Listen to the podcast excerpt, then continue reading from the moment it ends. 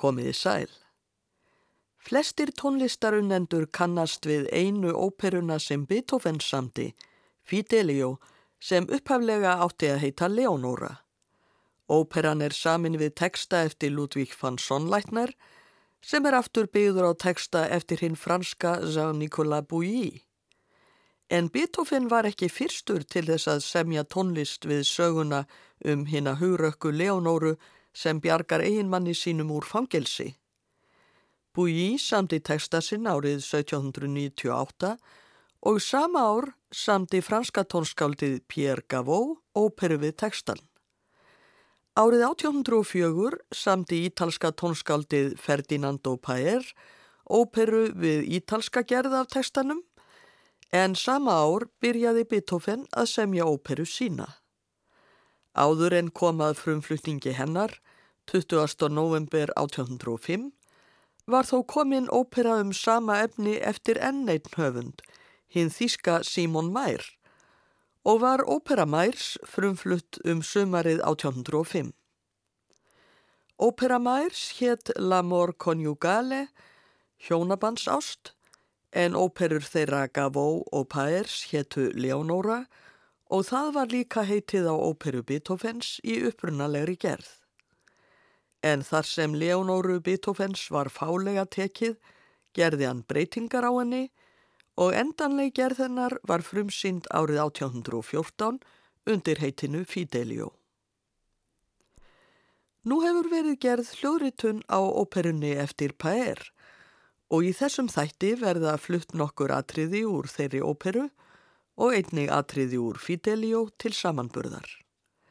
Gaman er að bera óperunnar saman Því víst er að Beethoven varð fyrir nokkrum áhrifum frá óperu Paers, hann mat tónlist Paers mikils og átti nótunnar að Leonóru hans.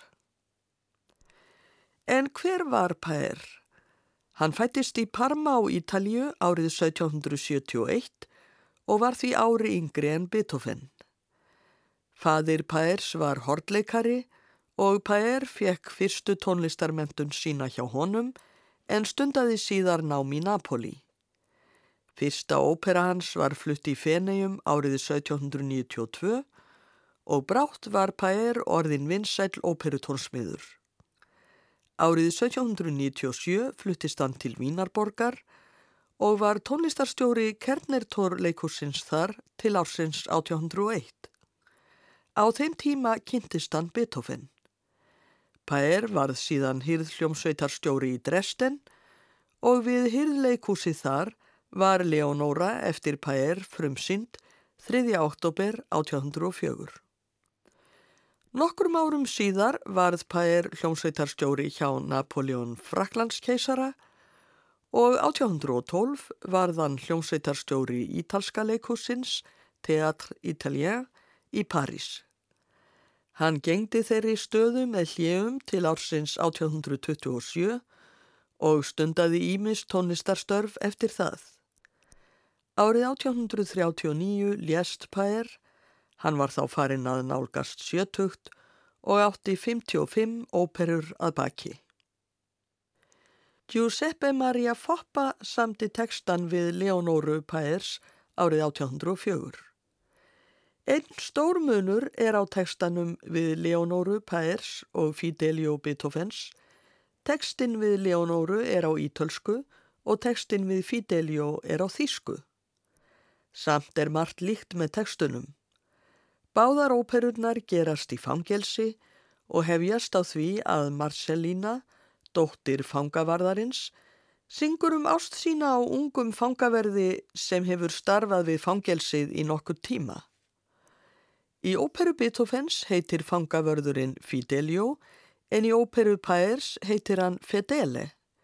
Bæði nöfnin merkja það sama, hinn tryggi og í báðum óperunum er fangavörðurinn í rauninni kona í Karlmannsfötum, Leonóra, sem hefur tekist þetta starf á hendur til þess að reyna að bjarga eiginmanni sínum Flórestan en hann er saklaus í haldi í fangelsinu.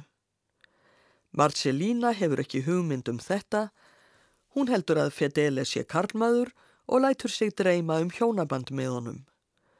Marie Lee syngur nú Ariu Marcellínu úr óperunni Leonora eftir Ferdinando Paer. Arian hefst á orðunum Fedele mio diletto, Fedele ástin mín.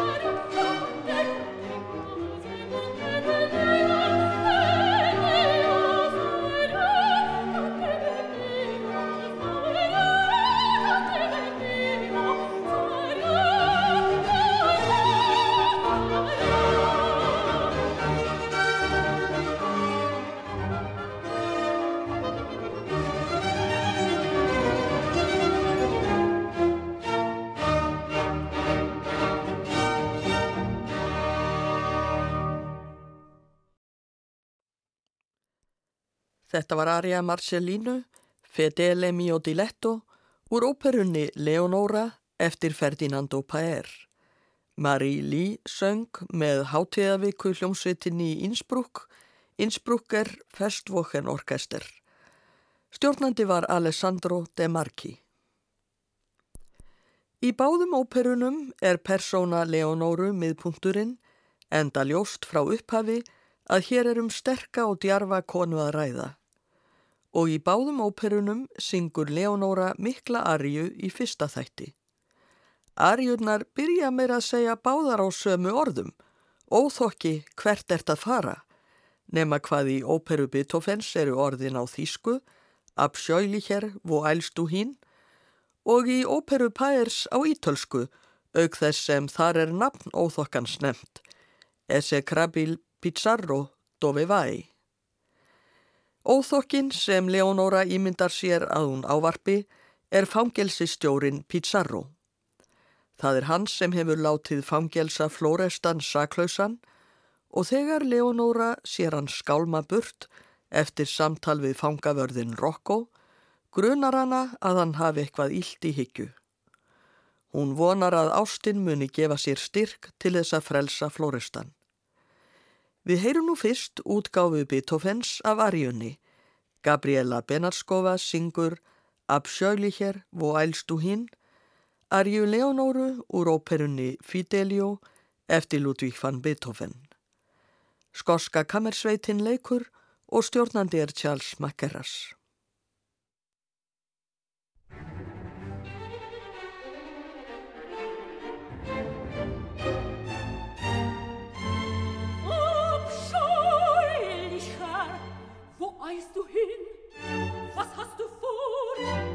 Was hast du vor im wildem Grimme?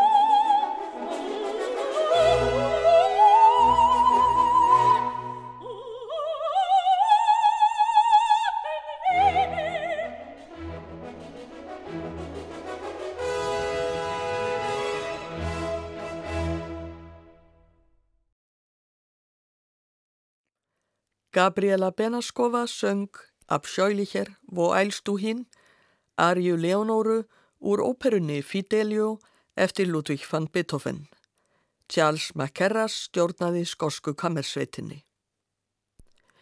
Þá heyrum við samsvarandi Arju Leonóru úr óperunni eftir Ferdinando Paer. Tónlistarstíl Paers er ítalskari en stíl Beethovens, enda var Paer ítali, og meira um kólaratúrsöng, trillur og tónstega í tónlist hans. Arian hefst á orðunum Óþokkinn þinn Pizarro, hvert ert að fara? Brátt ekkur við kavatína, þar sem Leonóru finnst hún heyra kveinstafi eiginmannsins í fangaklefanum.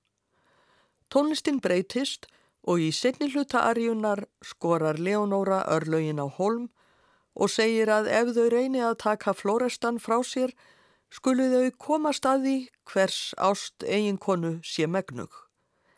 Eleonora Bellocci syngur recitatív og arju Leonoru Ese Krabil Pizarro dove vai í tuoi gemiti Fiero Aquilon úr óperunni Leonoru eftir Ferdinando Paer.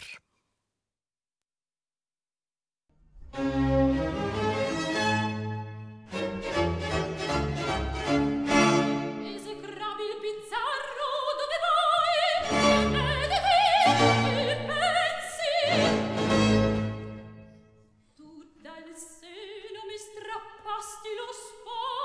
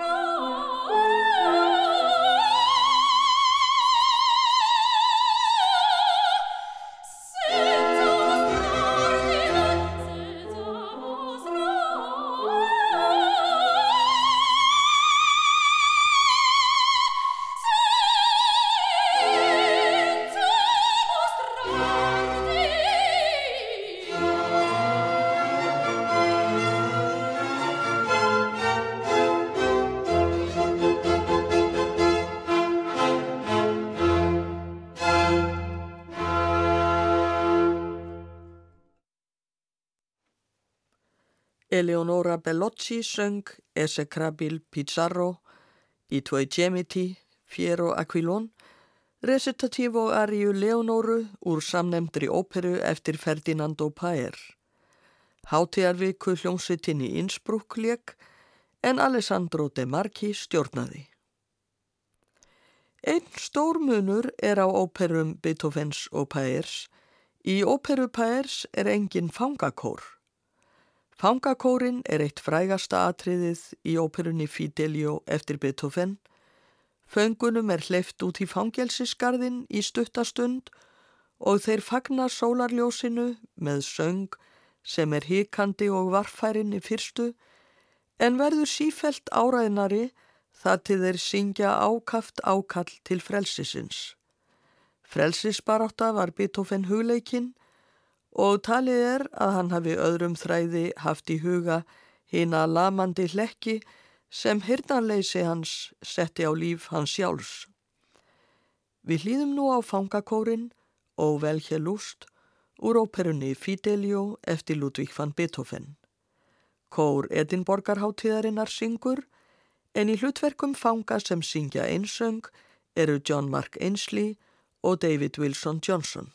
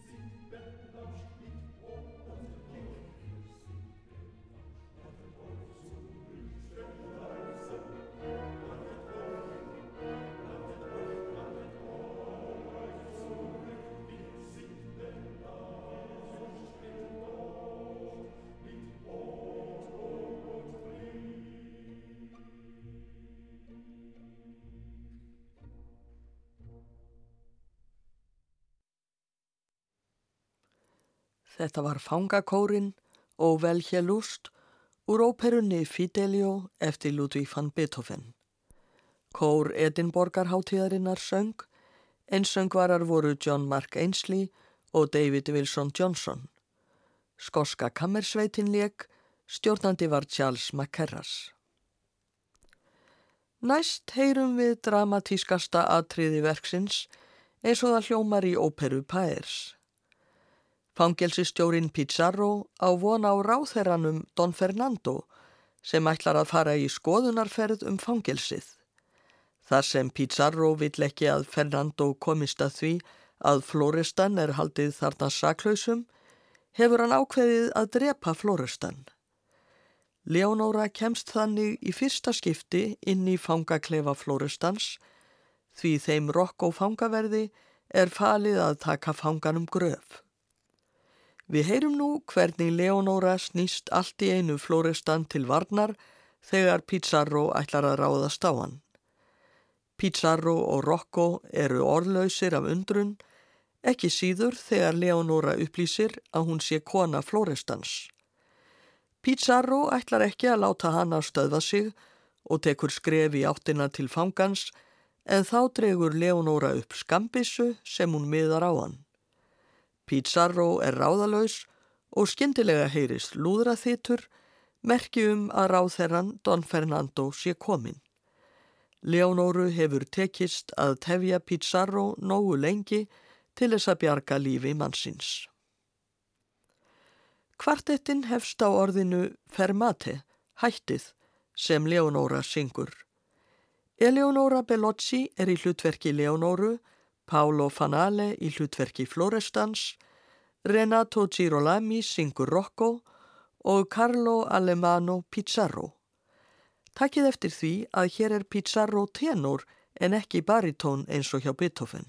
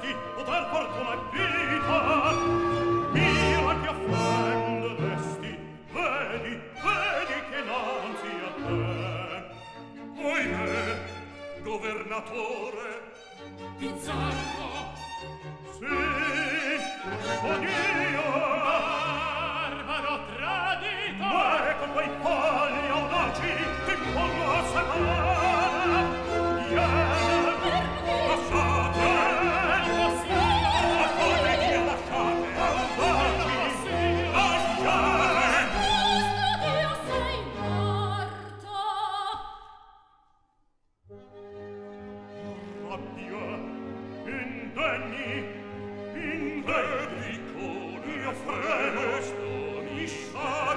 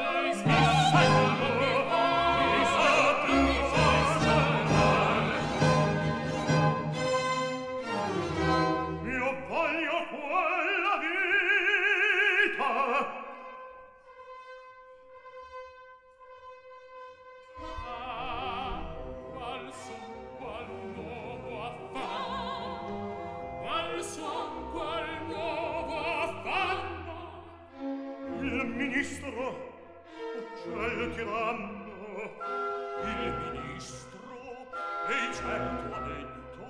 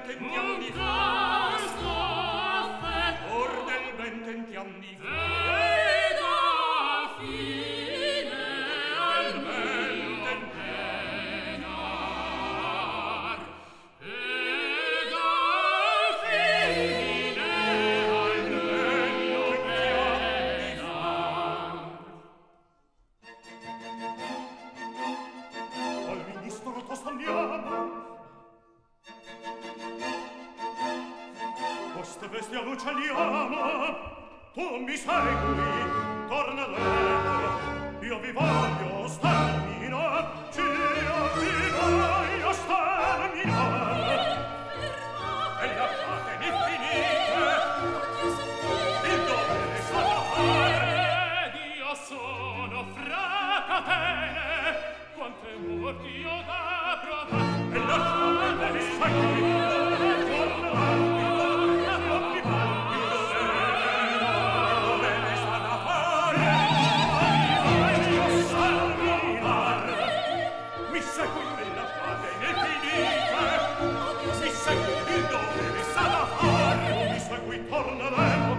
voglio sterminar si sterminò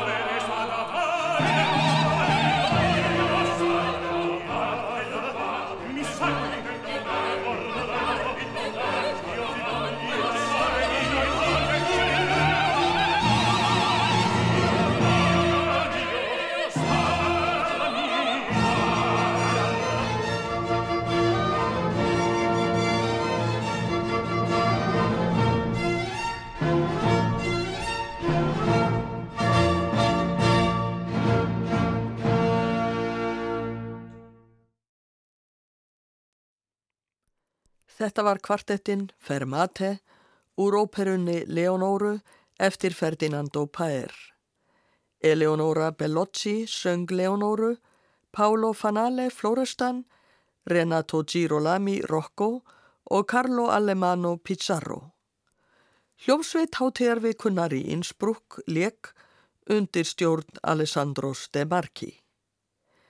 Þátturinn verður þá ekki lengri, ég þakka hlustendum áhyrnina, verði sæl.